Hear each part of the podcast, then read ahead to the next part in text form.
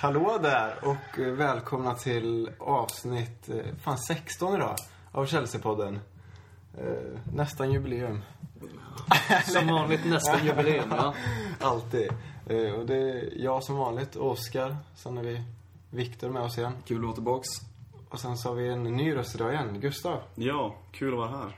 Äntligen. Ska jag presentera dig lite för lyssnarna? Ja, vad är jag? Eh, Gustav Nilsson, 22 år. Eh, norrbottnisk Chelsea-supporter. Eh, tidigare krönikör på Svenska fans, där Oskar är gammal redaktör. Eh, håll på Chelsea sedan 99. Ja, det är väl... Ja, kort och koncist. Det behövs inte så mycket mer. Nej, precis. Skönt, man har ju många olika dialekter i alla fall. Ja, Skönt och skönt. Vad skönt för lyssnarna. Jag tänker, jag vet inte. Det känns bara skönt med dialekter. den norrländska minoriteten får väl känna sig representerad i dagens avsnitt kanske. Ja, men det är ju ett gäng där uppe ändå i Umeå, så att det, ja, men det är helt... Ja, Helt rätt. fan lyssna. Eh, och vi tänkte börja med det tråkigaste. Förlusten mot eh, Everton i, i lördags. Astråkigt bara. 1-0 förlorade med. Någon som har någon vettig tanke om det. Ja, det är dåligt med vettiga tankar om det. det är, trist. Jag vet inte, tyckte inte riktigt att vi förtjänade att förlora. Jag tyckte vi gjorde en hyfsat bra match. Var spelförande, vilket är naturligt, speciellt i andra halvlek eftersom vi måste jaga ett mål och ha mycket chanser men får inte riktigt till de här vassa chanserna. Snopet skulle jag säga. Alltså, man trodde att det skulle komma ett mål på slutet. Eh, och efter Bayern-matchen kände man på något sätt stolthet över eh, vissa delar av matchen och insatsen vi gör. Men mot Everton, det liksom, finns ingenting att ta med sig ingenting att bygga på egentligen. Ja, jag såg ju inte matchen, men jag har hört att eh, Torres inhopp där inte var så... Jag vet inte om han, Succé. jag inte ens rörde bollen, om jag ska vara ärlig. Jo, tre misslyckade touch hade han. Ja, helt sjukt. Fantastiskt. Men det också så- sån här match som hade kunnat blivit annorlunda. Eto'o hade ett skitbra läge med, på Ramirez inlägg efter bara några minuter. Som han borde nickat in bara. Och det hade varit så jävla skönt för honom och för oss. För då tror jag vi hade kört över Everton. Just hans självförtroende och få göra mål direkt. Man vet ju själv som anfallare att det måste göras mål direkt. För att man ska få självförtroende. Det är bara att kolla på Torres, det det bästa exemplet i världen. Då tog av ringrostigheten ett ansikte. Alltså, det var så många kon- konstiga beslut han tog. Jag tyckte han gjorde okej ifrån sig. Jag tycker han verkar ganska pigg och så här, bättre än vad jag hade trott. Och som Andreas säger så var han ju inte långt bort att göra mål, från att göra mål. Och hade han gjort det då hade alla varit supernöjda. Så jag, som egentligen är anti Eto'o-värvningen, blev ändå positivt överraskad av hans insats. Då kanske jag har väldigt låga förväntningar också, men ändå, det var bättre än jag trodde i varje fall. Ja, men bortsett från att han inte gör mål så han, han är ju delaktig i spelet eh, på ett helt annat sätt än vad Torres är. Om man får några matcher så det kan, det kanske kan bli någonting ändå. Så, Det var ju Garrett käkbenet Barry som räddade honom från ett mål. När han hade i princip behövt ett mål där. Var Precis. som hade kunnat bli helt annorlunda och så nu släppte in ett mål i 46 minuten på en jävla konstig situation bara. Ja, vi hade ju inte direkt marginalerna på vår sida. Det, visst hade Everton någon ramträff i slutet också sådär, men i övrigt hade inte de mycket alls. Inte mycket att komma med och... Ja, jag vet inte, det var en sån dag då, då det inte ville sig helt enkelt. jag får mig att det var också som var inblandad i bakgrundsmålet. Att det är Check som kastar ut bollen till honom när han tappar den. Och sen blir det lite missförstånd mellan han och Ramirez som gör att de blir av med bollen. Men Men på ämnet Eto'o så tror jag ändå att han, han väl visat i karriären att han inte behöver vara i en kalasform men ändå göra mål. Han känns som en spelare som kan trockla in några mål ändå. Så att hoppas han kommer igång och får in några kassar. Så kan Ja. komma igång. Jag tror fan han kommer göra det. Det känns som det. Jag, jag och Oskar hade ett bett i lördags. Jag satte 100 spänn på att Eto'o skulle göra mål så det fick, var ju tråkigt men. Ja, du fick ju köpa ett par öl till mig. Det var, så det var, väl- det var väl enda positiva att ta med sig från den matchen då. Ja, och andra, alltså vi hade ju, vad var det, jag läste, 22 avslut. 22 avslut, och 6 på mål. Så det är också, saknas väl lite skärpa kanske. Ja, definitivt. Jag vet inte riktigt om det är att vi... Att de tvingas ta avslut i fel lägen för att vi inte riktigt kan komma till de här riktigt bra lägena eller om det är helt enkelt att avsluten är för dåliga. Det, det känns lite som att vi kommer inte riktigt till heta chanser. Och att det kanske blir så att de tvingas ta avslut som man egentligen inte bör ta. Jag vet inte vad ni Ja, säger. men jag tror att avslutet kommer lite långt ifrån hela tiden. Det blir aldrig riktigt med att man kan placera in en boll på samma sätt. Det är kraft som gäller. Eh, och det såg vi i andra halvlek när eh, Cole gick ut. Att när vi började spela med två anfall, att vi liksom fick in mer folk i boxen och började lyfta in inläggen. Och då var det de här halvchanserna som studsade ut. Och då kan man få en boll vid straffområdet och kunna eh, lägga in den. Nu blir det liksom skott utifrån, utanför halvcirkeln till och med. Det är, det är svårt att få in de bollarna. Det där tar väl också tid också. Jag kan tänka mig att det tar några matcher att spela in och ta, ha ett tå i boxen där. Att det kommer ändå ta ett tag att spela in den där. Så att det kanske blir att man tar slut om de inte hittar tajmingen i passningarna. Så det kan nog vara mycket det också. Att de inte känns samspelta i anfallet. Ito och Ramirez har lite lika löpsteg. Så det var lite svårt ibland att se skillnad på dem faktiskt. Jag Kommentatorerna sa fel. Ja, ja. rätt som det såg ut som Ramirez kom upp på sidan. Men då var det Ito liksom som hade kommit och tagit en båge. Och... Annars så, en sak som jag tyckte var konstigt, eller kanske jag har missat att läsa någonting, men varför Lampard inte startar och Mikael som inte gjort en minut fick starta istället. Överraskande var det ju, verkligen. Det, det är väl annars den typen av matcher som man förväntar sig att Mikael ska spela på bortaplan mot lite tuffare motstånd. Medan han troligtvis inte kommer figurera lika mycket på hemmaplan mot bottenlagen. Men att han skulle spela efter att inte ha varit i närheten av startelvan, det är ju lite mer överraskande ändå. Ja, och Ramirez och Lampard har ju gjort vårt sittande mittfält i år. Och jag tycker de har gjort det skitbra i början, första matcherna. Ehm, Men det är ju de, vi har ju några fler spelare på den positionen så att vi kommer nog behöva rotera.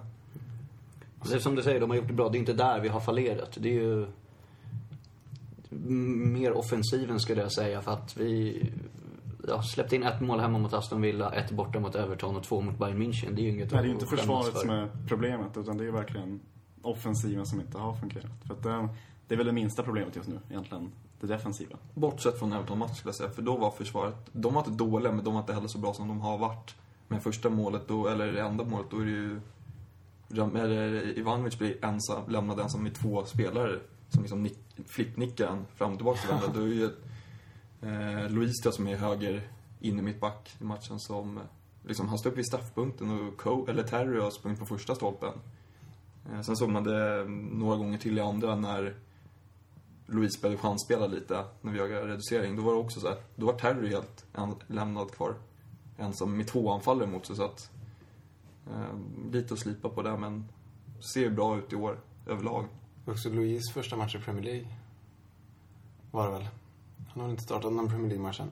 Han spelade mot Bayern München, men Ja innan där har ju han kom tillbaka sen. Ja. Det också lite konstigt val. Kanske eftersom Cahill har gjort det jävligt bra. Men Ja, Cahill hade väl 90 minuter i landslaget tror Ja, jag. han var grym där Ja, också. men precis, han var ju väl bäst på plan och enligt väldigt många och Ja. vann väl det officiella priset också. Så det är lite konstigt. Men ja, vi ser inte alla träningar så vi hatar att hålla på med starter och skit. Men ja, lite konstigt.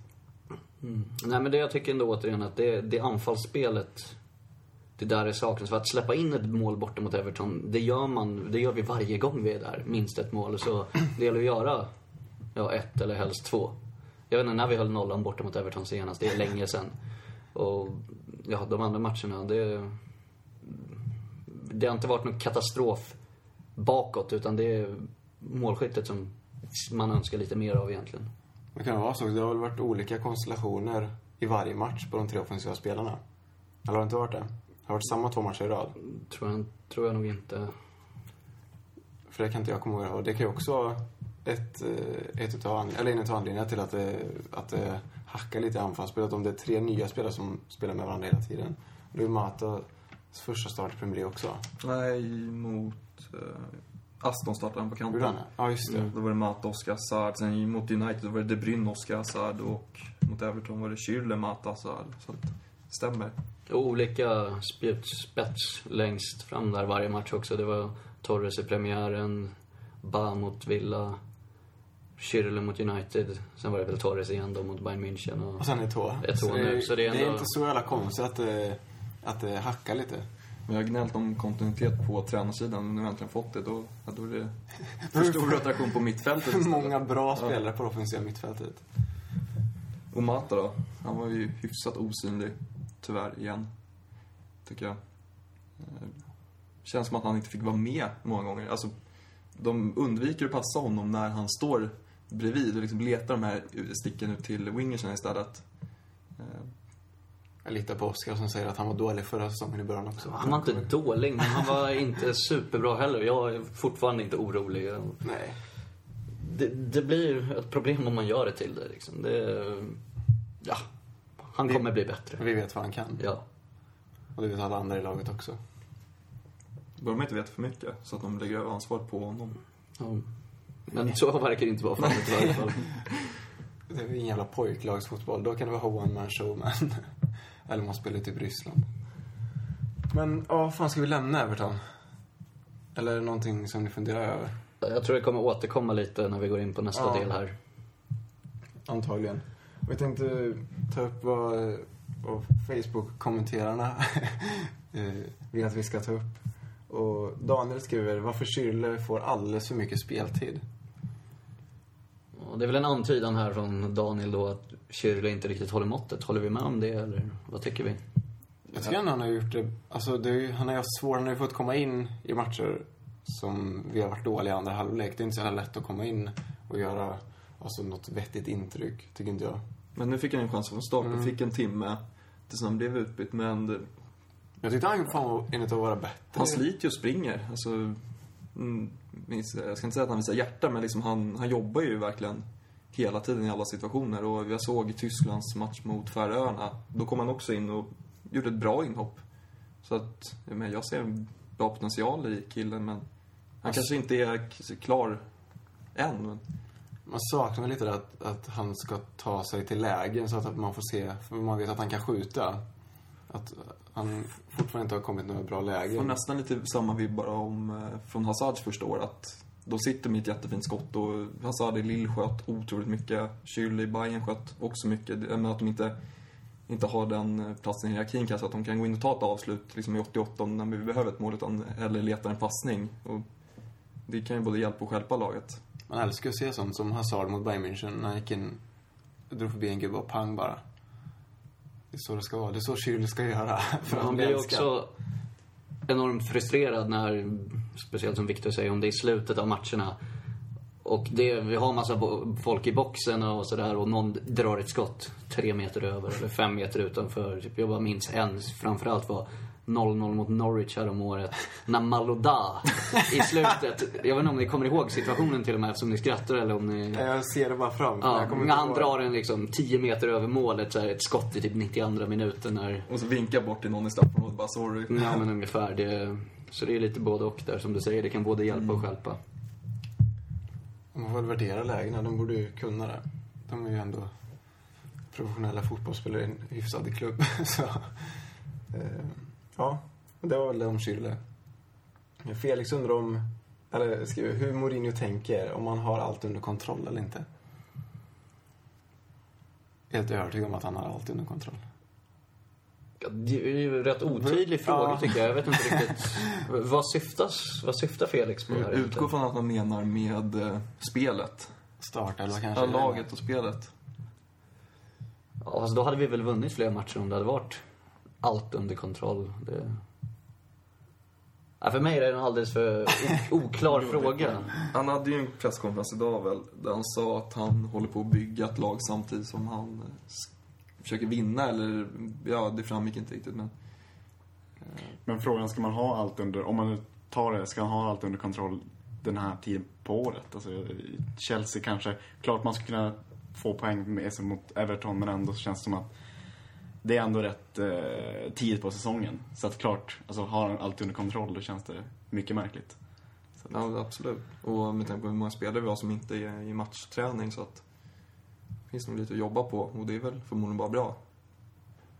Han har kontroll på ett plan men inte på ett annat. Precis. Jättebra svar. Det är ungefär på samma nivå som frågan där i. Luddigt.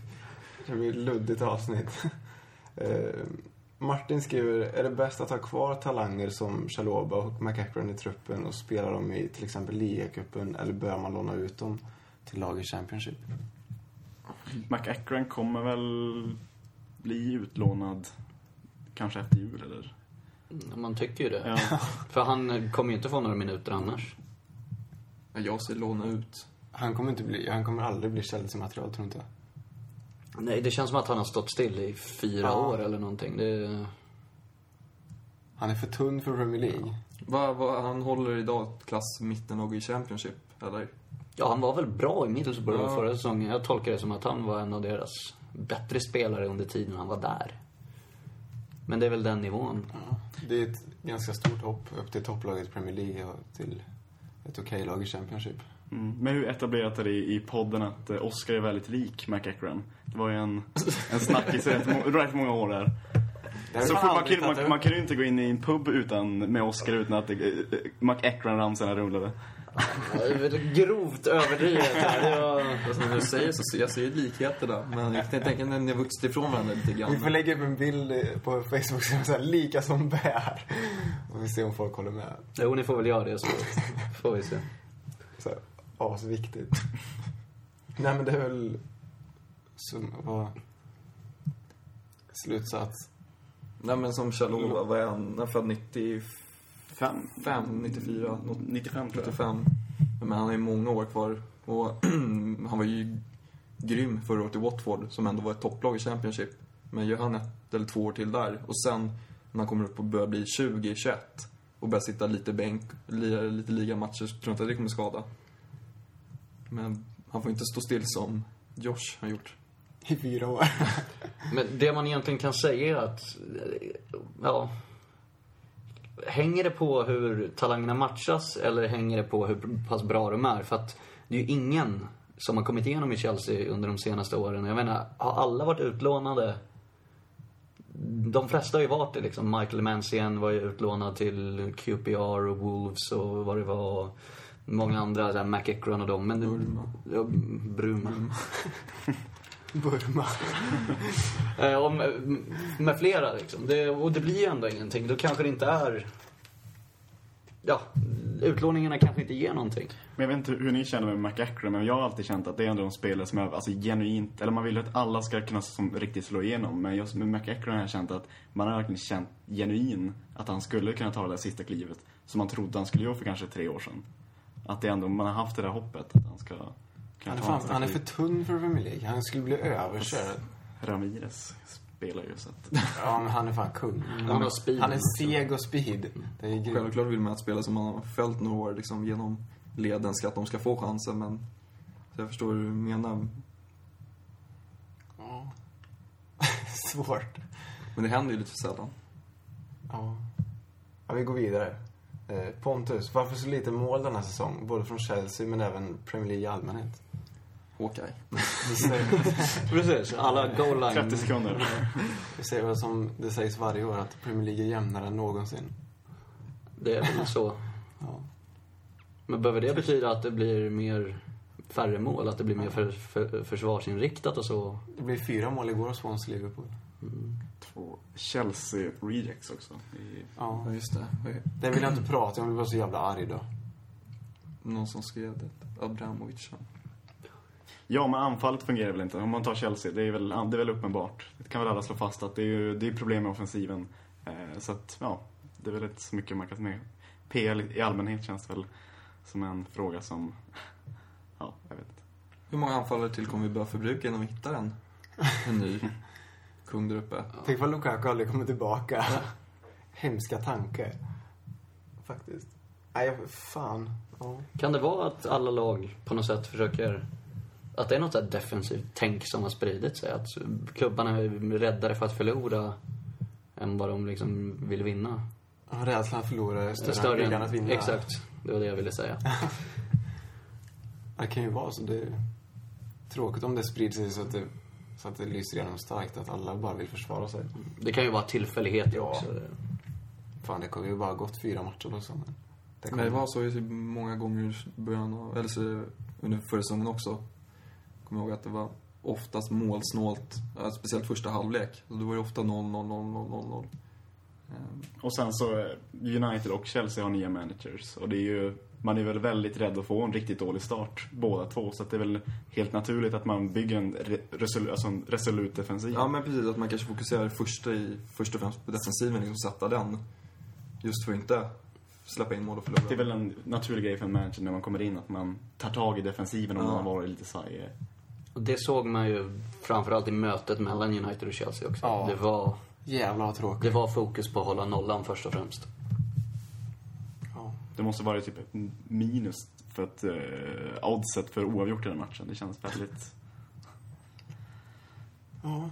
Vi går vidare till Samuel. Han skriver Det är bisarra att vi under tre transferfönster med tre olika tränare inte klarat av att lösa problemet med det defensiva mittfältet eh, och strikerrollen medan vi däremot har Europas bredaste uppsättning av offensiva mittfältare.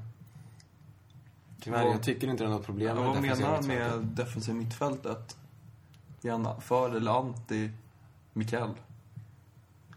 Det är väl eh, defensiva mittfältet som helhet, helt enkelt. Och då blir det väl även på individnivå. Att för de enskilda spelarna tillräckligt bra, då blir ju hela det defensiva mittfältet tillräckligt bra. Så antagligen är han emot Mikael och Essien och Lampard och van Ginkel och Ramirez. Så. Nej, men lite så måste det ju vara. Och det har vi väl pratat om att det kanske har värvats lite fel ändå. Att det har legat för mycket fokus på det offensiva mittfältet. Typ William-värvningen känns ju överflödig. Men kan det också vara så att när det kommer in en ny tränare som vet att han har mycket pengar i ryggen, att man fokuserar då på att köpa spelare framåt? För just för att det kanske är lättare, det är lättare att få eh, alltså utdelning snabbt på dem. Antingen om de börjar göra mycket mål eh, eller blir flopp. Framförallt så är det en eh, offensiva värvningar ofta mer alltså, attraktiva för supportrarna. Det är en, en klassisk städgumma är inte så... Det är, få, det är underskattat kanske att ha en riktig... Jag är för eh, Mikael ändå. Eh, vissa matcher, som Oskar säger mot Everton. Det tycker jag också är rätt naturligt att han spelar en sån match. Så att det är väl bra fan, motstånd. jag, fan, jag tycker inte vi har någonting att klaga på. De spelarna vi har på det defensiva mittfältet är ju, är ju... Om man jämför med andra lag, det är, Jag vet inte vem jag skulle... Eller det finns väl säkert några att plocka in som man är bättre, men... Lampard, Ramirez, Mikael Essien, van Ginkel. Det är ingen man vill byta ut direkt. Nej, alltså alltså det- personligen. Nej. Däremot har man kanske lite mer rätt med strikerrollen. Men det är väl för att vi köpte in Torres för så jävla mycket pengar. Blivit av med skiten. Det är väl, det är väl den enkla förklaringen. Till att man inte har velat köpa in någon till just, Eller man har, vi har, har vi försökt. Vi vill ha Cavani, Falcao. Men vi har inte lyckats kanske. Ja, det har ju egentligen inte värvats någon efter Torres. Nej. Bara kom in lite på... Ja, bara kom in, men Det har varit ingen så stor värvning. Nej, precis. Det har varit billiga lösningar som hade kunnat bli succéer. Eh, Alltså lite långskott, kan man kalla dem. Hoppas på en Mitro typ som gör, värvar sin billigt och gör många mål. Tror- Ja. Vi värvar en startstriker för 5 miljoner euro. Ja, det har i och för sig hänt, men... Vad fan ska vi göra åt det? Ja, gå vidare. Ska vi gå vidare? Fan, är du ledsen nu Oskar? Nej, nej. Är du säker? Bra. Då går vi vidare till eh, Henrik. Han, William var inte ens på bänken i lördags. Eh, Eto'o såg kvick och pigg ut. Vad tror ni? Eh, fler mål än eh, Torres. Starta ett Torres kommer jag få. Det tror jag. Absolut. Och, och fler mål. Ja, naturligt. Uh, William pratade vi lite om innan, men ja, vet vi någonting? Inte hört något officiellt där. Jag ville, att, jag ville se honom lite i lördags, men får se om han Hoppas att att han får en halvtimme mot Basel. Det vore kul. Jag hade ändå förväntat sig att han skulle vara på bänken i lördags och få hoppa in. Hade inte trott att han skulle starta, men det är väl, med tanke på den bredden vi har så, Men han måste ju platsa i truppen till en match. Det måste ju vara någonting annat. ja, det... Han har inte tränat tillräckligt länge med laget, eller vad? Ja, men det har väl inte Eto'o heller så Nej. Så Fast på det är väl lättare roll att komma in som striker än som... Ja, och det finns ju eh, större överflöd på mittfältet än i anfallet. Jag tror att man inte vill stressa i det läget faktiskt. Jag tror att man vill ta den tid det tar just för att han var så pass dyr. Om en dålig start kan ju verkligen kanske... Kommer han in med dåligt självförtroende direkt så vet man inte riktigt hur... Det kan verkligen grusa en. Ja, men exakt så kan det vara lite ett statement ut mot truppen också. Att, liksom, att de tror på dem vi fortfarande har. Att man inte kastar in nyfött första bästa. eh, Utan låter de andra liksom fortfarande känna att de, det är de som gäller som har varit där. Utan Ja. Niklas skriver, varför förlorade Chelsea mot Everton? För att vi inte gjorde mål. flest mål vinner. Ja, nästa. Carl David Bäck eh, skriver, vad tror ni om årets Champions League och Eto'os insats mot Everton? Vilken presentation han fick där, Carl David Bäck. Ja, jag visste inte om han hette Karl eller David så jag läste hela jävla namnet. Eh, års insats har vi ju redan pratat om. Eh, årets Champions League pratade vi väl en del om förra. Ja, vad sa vi då? Att vi tror att vi vinner gruppen och sen... Sen är det ju så pass svårt att tippa en Ja. sån turnering som Champions League. Men att allt kan väl hända och vi har truppen för det, vi har managern för det. Men sen frågan om vi har det här flytet som man ska ha. Ja, det måste fan vara flyt för att vinna. Bara kolla när vi vann. Ja men exakt, det är så. Det är för, om man, ja, för om man kollar truppen nu jämfört med den vi vann Champions League med så är det ju... Ja, det är skrattretande hur dålig den truppen var känns som om man jämför med nu. Ja, vi har ju mycket bättre förutsättningar nu. Så är det. Eh, Anders skriver. Eh, vad tänker Mourinho om Lampard och hans position? Ska Oscar eller Kevin De Bruyne ta över där eller kommer Mike van Ginkel ta den? Ska någon av Oscar och Kevin De Bruyne skolas om? Kan man spela Oscar och Louise bakom William, Kevin De Bruyne, Mata och Hazard? Fan, jag blev snurrig. Många frågor igen. Vi får bena ut det lite. Mourinho och Lampards position, det är väl ganska givet vad han vill att han ska spela. Jag tycker han var väldigt tydlig med, med inledningen av säsongen. Han kommer att spela defensiv mittfältare. Det finns ingen han kan. Vi har för bra spelare där uppe som... Han gör det jävligt bra som defensiv mittfältare. Ja, han kan ju ta ett steg upp i banan. Inte om vi inte ligger under och behöver pressa på liksom. Ja. Eh, ska Oscar eller Kevin De Bruyne ta över där eller kommer van Ginkel ta den platsen? Kevin De Bruyne ser inte- ser inte jag som en kandidat riktigt till Nej. de defensiva mittfältsplatserna. Han kan ju spela, men han skulle inte göra bort som han spelar. Men jag håller med. Vad ska han dit göra, göra om vi, om vi inte måste? Ja, då har vi andra spelare som är mer lämpade. Och van Ginkel, vad fan... Han har inte sett så mycket av. Hans tid Kan- kom väl. Han nu... Kanske imorgon. Ja. Får, ja, vi får se. Oscar och Kevin De Bruyne, ska de skola, skolas om? Till vad då? Är vi kvar på defensiva mittfältare, antar jag. Oscar skulle nog kunna spela det även om han är lite småtunn och sådär. Så har han en... Ändå en... Defensiv mittfält-aura. Ja, men han har en förmåga att... Hålla i bollen, Ja, men jag. precis. Hålla i bollen på det sättet som man ska kunna göra där. Han är relativt passningsskicklig. Han kanske kan passa där. Ja. Och kan man spela Oscar och Louise som defensiva mittfältare? Det hade varit kul att se. Jävligt. Men jag tror att Det är för lite försvarstänkt. Jag tror det skulle bli helt galet om båda de skulle spela defensiva Louise skulle mittfältare. tvinga kvar Oscar medan Louise stack Nej, Det hade varit spännande att Ja. se i varje fall. men det lär vi inte få se. Eh, Ja. Tack för att ni hör av er. Det är skitkul. Skriv så mycket ni bara orkar. Det är sånt där man bara får se på FM. Ja. Men eh, bra Viktor att du la till det här. Vi tänkte gå vidare med, med min höjdpunkt. Eh, Oskar har lovat stor, storheter idag på Oskar berätta så jag säger väl eh, ordet är ditt då. Sen fan, jag uppmanar om det är någon som är grym på ljud och sånt och göra en rolig eh, liten introlåt till Oskar berättar. Använd all jävla fantasi ni har. Inte för lång dock. Det är bara ett kort klipp som signalerar att det, nu är det Oskar berättar. Ett tips är ju Josh McEachran-ramsan i bakgrunden. Eller något eget. Kom, på någonting och så skriver ni på Facebook eller mejla in det så, så lovar jag att vi ska ta med den. Så får ni lite cred för det också. Men varsågod, Oskar berättar. Del, Ja, Vilken del är det, måste jag säga? fyra kanske. Vi tror det. Ja, då vandrar vi vidare i eh, Chelseas supporterkultur idag och vi ska prata om ett ämne som inte har specifikt med Chelsea att göra men vi ska ändå lägga in en liten Chelsea-twist för att det ska passa i det här sammanhanget. Och det vi ska prata om är den så kallade casual-kulturen. Och eh, vissa av er kanske inte ens vet vad det är för någonting så en väldigt, väldigt kort inledande presentation av casual-kulturen kommer här innan vi går igenom casual-kulturens historia. Man skulle kunna säga att det här med casual, att det är en slags subkultur som främst, eh, de som är inne i den här subkulturen är främst yngre män från, säg mitten av tonåren upp till, ja, jag vet inte när man slutar vara casual, men säg 40-50-årsåldern kanske. Även om många av de som inledde casualkulturen nu är uppe i den åldern eller till och med ännu äldre.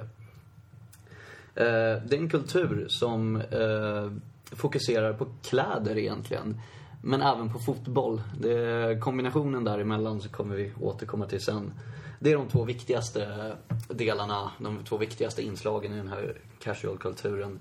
Men eh, annat som eh, eh, också kan anses vara del av casual-kulturen är exempelvis musik och liksom hela den livsstilen som man har med Ja, så mycket som är kopplat till fotbollen helt enkelt.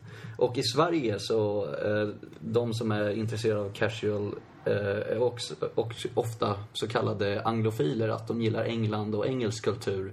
Och det är väl delvis för att casual-kulturen härstammar från just England. Och om vi tänker oss att vi reser tillbaka i tiden till England, sent 70-tal, tidigt 80-tal.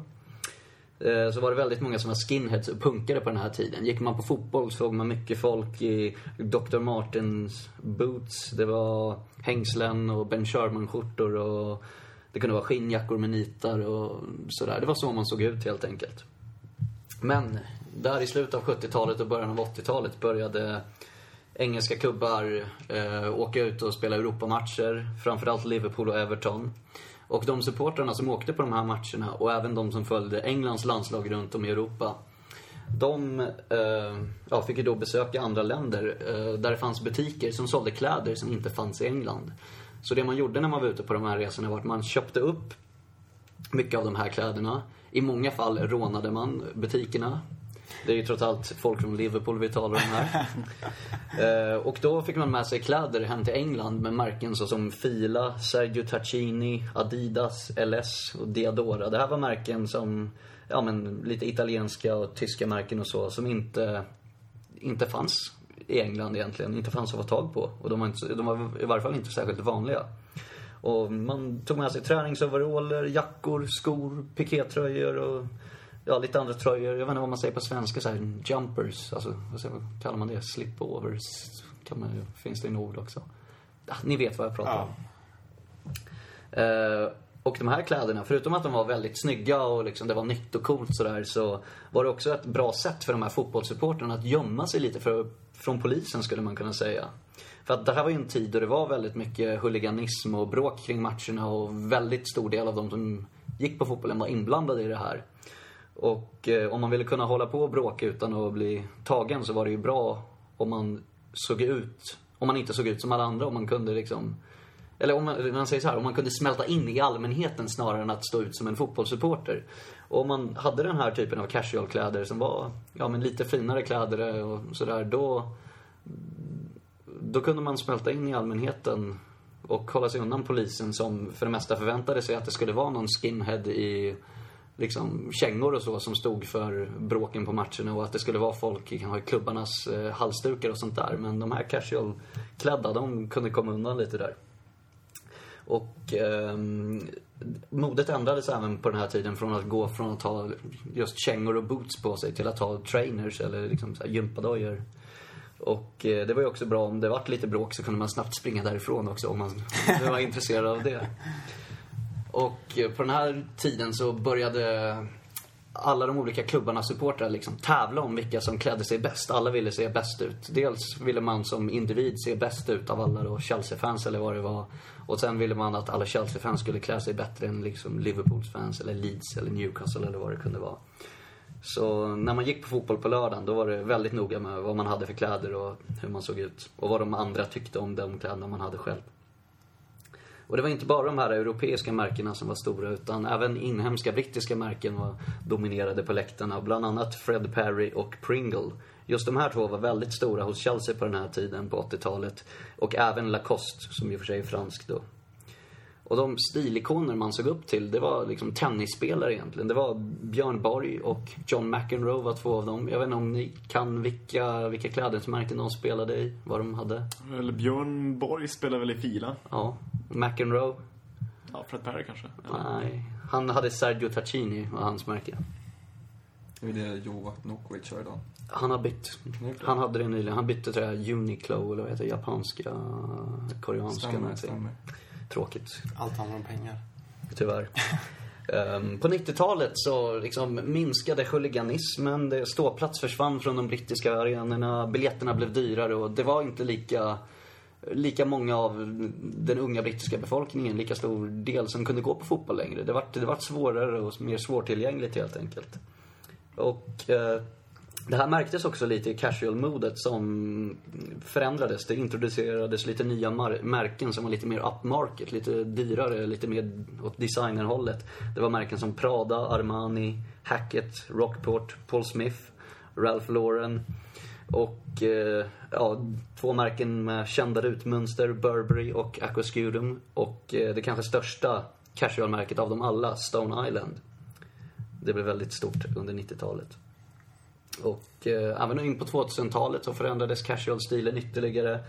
Det var lite andra märken som började ta uppmärksamhet. Henry Lloyd, Lylan Scott, One True Saxon, vårt svenska Fjällräven, eh, Penguin och eh, de senaste årens stora raket Barber var ett annat märke som blev väldigt populärt.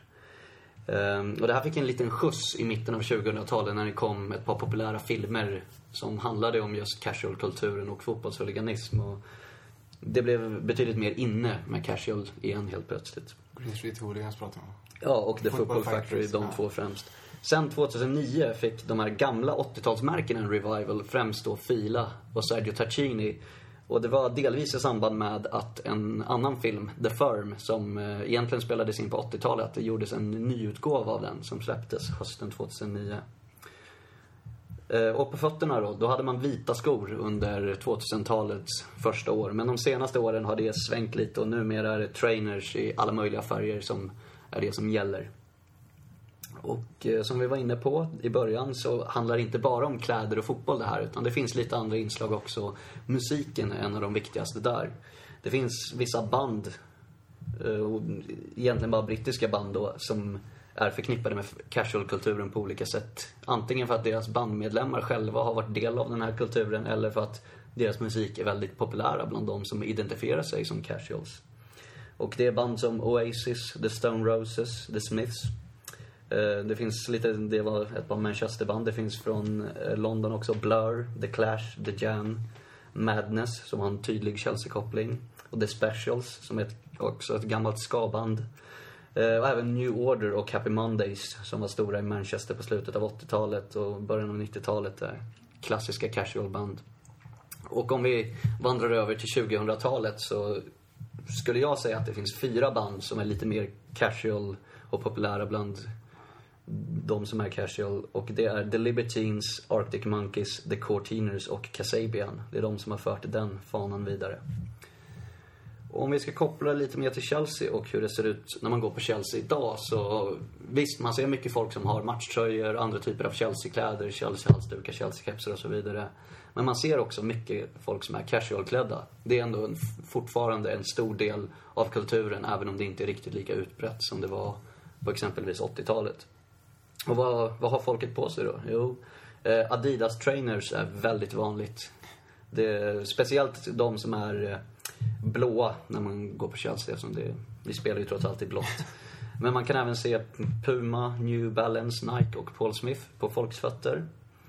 Eh, Fred Perry-pikéer, extremt vanligt förekommande. Även Barber och Barberjackor. Men man ser mycket Ralph Lauren, Lacoste, Sergio Tacchini och Fila till viss del. Och såklart det stora casual-märket Stone Island som aldrig tycks försvinna. Och man märker även en liten skillnad om man går på en hemmamatch jämfört med en bortamatch. Det är lite mer utbrett på bortamatcherna. Det är lite en annan typ av folk som åker på bortamatcherna och eh, det finns vissa som kanske har en matchtröja när de går hemma men väljer att klä sig casual när de åker på bortaplan av olika anledningar. Och om det är någon spelare i dagens Chelsea som är den som ligger närmast att vara en casual-ikon så är det den stora publikfavoriten Juan Mata. Som ofta kan ses på bilder där han har exempelvis Fred Perry-tröjor och eh, som eh, har som ett av sina favoritband, vilket att han uttryckt flera gånger, är The Libertines. Som är ett väldigt populärt band i just casual-kretsar. Så om vi ska hitta liksom dagens Björn Borg fast i Chelsea, då är det Juan Mata skulle jag säga i varje fall. Och avslutningsvis, innan vi öppnar här för lite diskussion kring det här och lite egna erfarenheter och så, så kan vi bara betona att casual är inte huliganism. Det finns väldigt många som är inblandade i huliganism, som klär sig casual, men långt ifrån alla och det sträcker sig betydligt bredare än så. Det är ett modeintresse, det är ett fotbollsintresse och sen att ja, det finns vissa kopplingar till huliganism. Så är det. Men det, för oss handlar det inte om det. Fan, gud, fan. Bästa Oskar berättat någonsin alltså. Satt och lös som ett lilla barn på julafton. Ja, roligt. Hoppas att det kan uppskattas av många lyssnare också. Ja.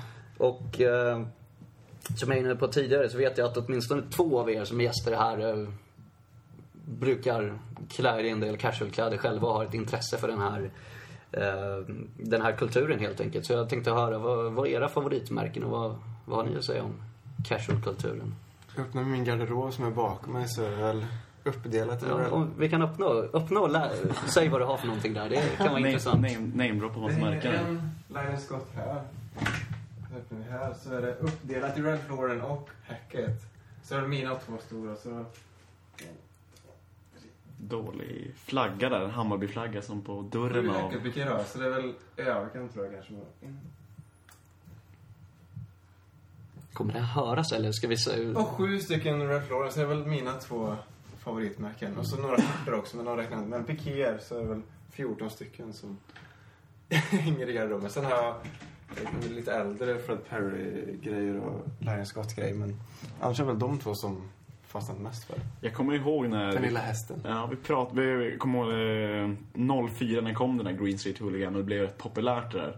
Och jag kommer ihåg att jag, jag köpte en eh, Stone Island-tröja. Jag hade kört lite Fred Perry innan sådär och så kallade det 05. Men jag kommer ihåg att den, den där Stone Island-tröjan låg eh, väldigt länge in i garderoben. För att jag har aldrig riktigt känt mig bekväm med Stone Island. Jag vet inte vad det är. Det är någonting med det märket som känns väldigt... Eh, jag vet inte. Alltså det, jag, jag gillar märket men ändå inte... Eh, jag bär inte upp den. Så Fred Perry är nog det märke som jag kan känna... Det är väldigt sådär, det är arbetarklassmärke, det är snyggt, det är stilrent, rätt diskret men ändå... Ja, Tvärt emot Hackett då, som alltid vill ha sin logga så stor som möjligt. ja, eller Ralph Lauren som är en sån här gigantisk... Ja, jävla eh, häst överallt. Men de, de få gånger man bar Stone Island, när man gick i gymnasiet speciellt, då var det alltid så här, står du upp för, står upp för märket eller? Det var ju oftast den jargongen i Stockholm speciellt. Jo, Ja, men precis. Det är ju extremt larvigt. Och det är det man vill slippa lite. För att man har kläderna för att man tycker att det är snyggt och för att man trivs i det. Inte för att ja, man ska liksom låtsas vara någon huligan som ska behöva stå upp för det där. Det, Ja, men casual betyder ju liksom ledigt eller vardagligt. Och är jag ledig eller är det en vanlig vardag, då kanske jag vill bära en piké. Det är rätt naturligt tror jag för de flesta av oss. Så därför blir det väl ännu mer tydligt att det är väl det man tycker om att ha på sig. Det, Jag kan tänka över matchdagar också. att För att man, om man åker på ja, två, tre matcher som jag ändå försöker göra per år så kan jag ändå så här, eftersom det är så pass sällan så kan man ändå någonstans planera lite grann vad man ska ha på sig på, på matchdagar. Jag vet inte hur det är med men... Jag ska åka om en månad, jag vet redan hur jag ska packa. jo, men det planerar, det planerar man ju alltid. Ja. Och, det, och det är ju viktigare att klä sig bra på större matcher. Så det är, jag känner ju själv som åker ganska mycket att ja, vissa matcher där är viktigare så här, än, än andra. Och det är lite så här, borta matcher är viktigare än hemmamatcher för, av olika anledningar. Det, det är bara så. Det, det är svårt att sätta fingret på, Ja. säkert ganska obegripligt för de som inte har intresset. men jag kan tänka mig att eh, inte ha matchtröja på bortaresa, det är väl mer självklarhet. För att har man liksom, då blir det mer vi mot dem. Om man kommer så är alla civilklädda liksom och man blir en tajtare grupp liksom. Och ser inte ut som eh, när Tottenham spelade när sju stycken stod med i Tottenham-tröjor och en iPad. Men det ser ut som hej med hjälp mig istället. Jo men precis. Det... Sen är det även av praktiska skäl för att, ja men vill man kunna komma in på pubbar i den staden där man är, då är det ju bättre om man inte öppet skyltar med att man håller på motståndarlaget och det känns som att, ja. På småtimman också. Ja men precis. Det kan vara, det är inte alltid det är bra att visa att man håller på den klubben man håller på. Man kan hamna i lite trixiga situationer. Det var väl Löfven där, när han, enda undantaget när han liksom hade, det hade vänts till något positivt där uppe i Birmingham, vad han har varit. Just det, han hade ju mm, tur där att de var på gott humör de han träffade där. Men det har man inte alltid. Nej. Men annars så kan man tänka lite grann, om man pratar rent CSS då, då är det väl en klassiker på, på söndagar att, att dra förbi Carnaby Street och köpa några pikéer. Så att det är ju, rent så, så tror jag att den är utbredd inom CSS också. Att det är, det är många som, som, som gillar den typen av kläder och musik. Så här. Så det, det måste vi vara stolta över, att den kulturen finns. Jag bara känner att det är en del som zonar ut när vi börjar prata kläder. Jo, jag kan mycket väl tänka mig det. Det för det, är, det är inte alla som har intresse, men återigen, tanken med det här Oscar berättar är att det ska handla om liksom, ja, Chelseas supportrar snarare än själva liksom klubben och spelarna och laget och så. Och Det är bra, det här det är en behövs. vik- viktig del av det. Av kulturen. Ja. Bra. Mycket bra. Tack. Tack för en underbara. Vi går vidare då kanske till... Vi har ju två stundande matcher. Dels kliver vi in i det Champions League nu om, om 20 minuter. Vi spelar inte. Vi kliver in imorgon lagom till ni lyssnar får ni ladda upp. Med Chelsea-podden hoppas vi. Och då möter vi Basel. Eh, och ja, vad ska vi säga? Säga samma sak vi sa förra veckan. Det finns inte så jävla mycket att säga kanske förutom...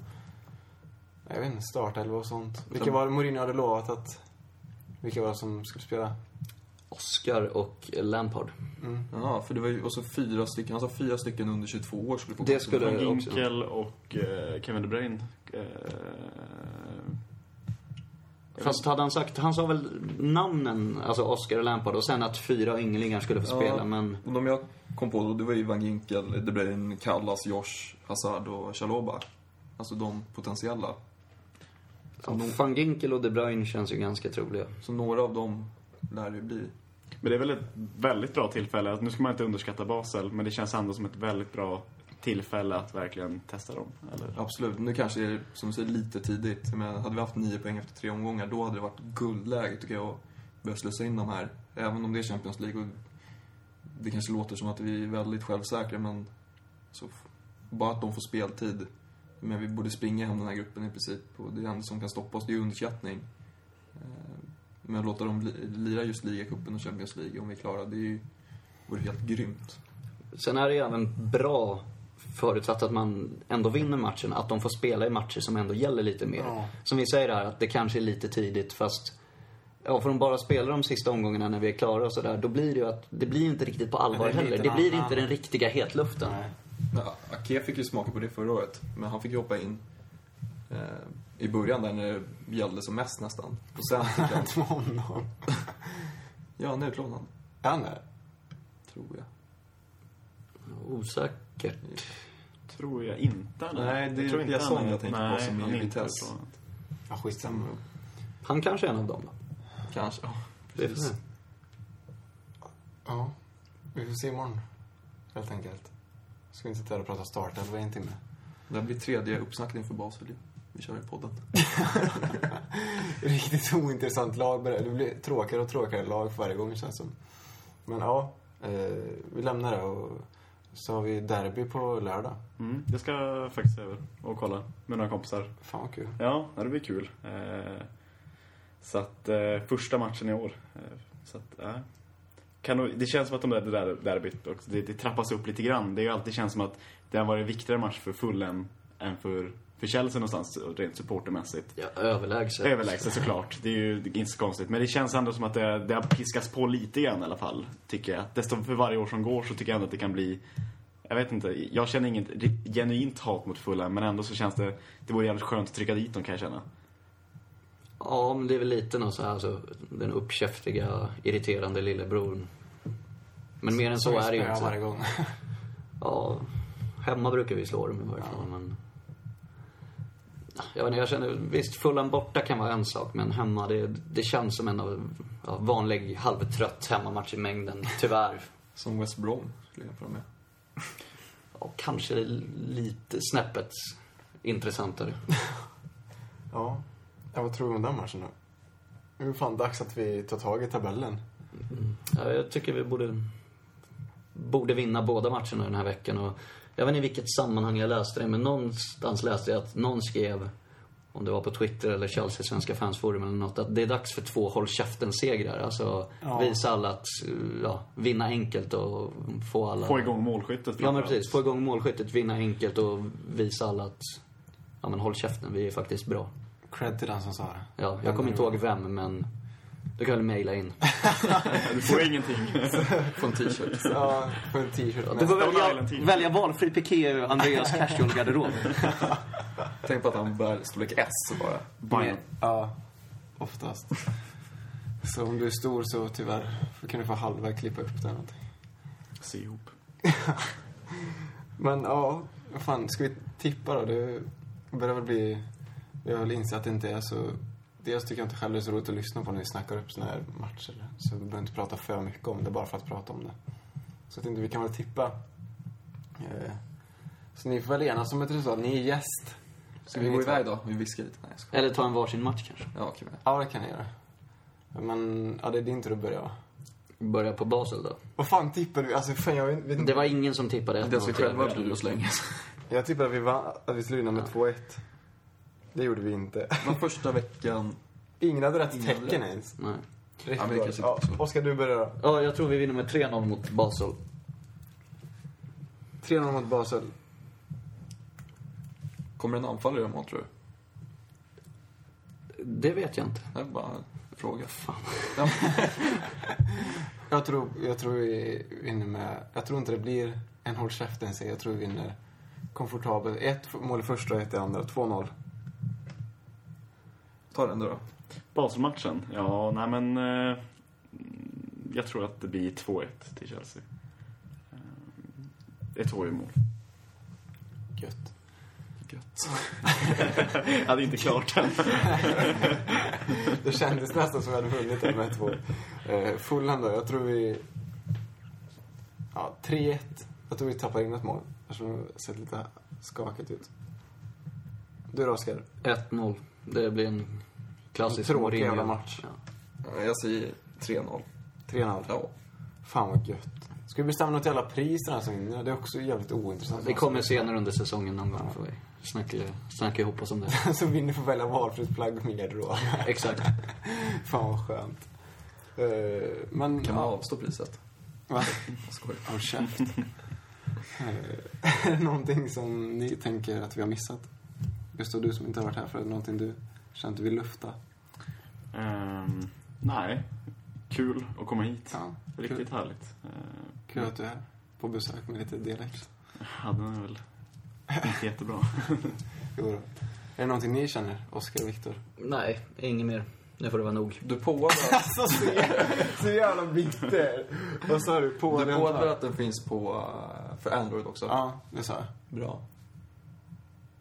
Alltså man Nej. kan lyssna på appen eller lyssna på podden via Den Android. Icke-teknikintresserade. Ja, men du kan ju säga det idag igen. Ja, det kan jag väl. Ja, säg det. Jag, vad hette, kommer du ihåg vad hette? IPP eller PPI eller något sånt där. Nej, IPP. IPP. Player. Finns på Google Play. Skitbra grej. Viktor, du är Android, den Ja. enda i hela världen typ så. Ja, men det funkar bra i. Utlovad bild på Oscar och Oscar och McEachran. Får vi se om... om Se- eh, Och folk säger vem som är vem. ja, just det. Inga namn på Ja, just det. det Den är namn. rolig. Lika som det är. Gammal, gammal fin grej. Men annars är det väl... Nej. Jag kommer inte på något som vi har missat. Oskar, säg nu skit vi det här. Nu skiter vi i det här. Okej, bra. Men in, Oskar blev förbannad för att jag hade lite likes på Facebook förra gången. Jag ser, det har kommit några extra likes den här veckan. Typ mer än vanligt. Likea mer. Jag gör ett extra konto. Vi måste ha mer än Tottenham. Det är det enda viktiga. För att vi hatar dem så jävla mycket. Och sen så följ på Twitter så får ni kika där lite. Chelsea-podden överallt bara. Och så mejla in en underbar jävla eh, introlåt till Oskar berättar. 10 sekunder lång, max. Och så får något jättebra. Jag lovar att vi ska ha med den i sådana fall. Och så, ja, det finns ju på iTunes. Vi har löst med datum och sånt. Så det, nu ska avsnittet komma upp som vanligt när man laddar nya avsnitt. Så allt är i sin ordning. Så vi, ja, skönt med två matcher den här veckan så hörs vi nästa vecka. Just det också. Ni som bor i... Sto- Folk har redan stängt av. Ja, fortsätt. Ni som bor i Stockholm och så vill se matchen mot Basel, det är Tudor Arms Yes. som gäller. Äntligen. Jävla skönt. För att eh, vårt vanliga ställe, bryggeriet, har inte rätt kanal, så Tudor Arms. Bring your Stone Island. Jag ska fan Ses där. Alla måste vara jävligt casual-klädda. Annars så kastar Oskar ut det med sina Jävla McEachran-muskler. skönt att det där är Ja, bra. Vi säger hej. Tja. Hej.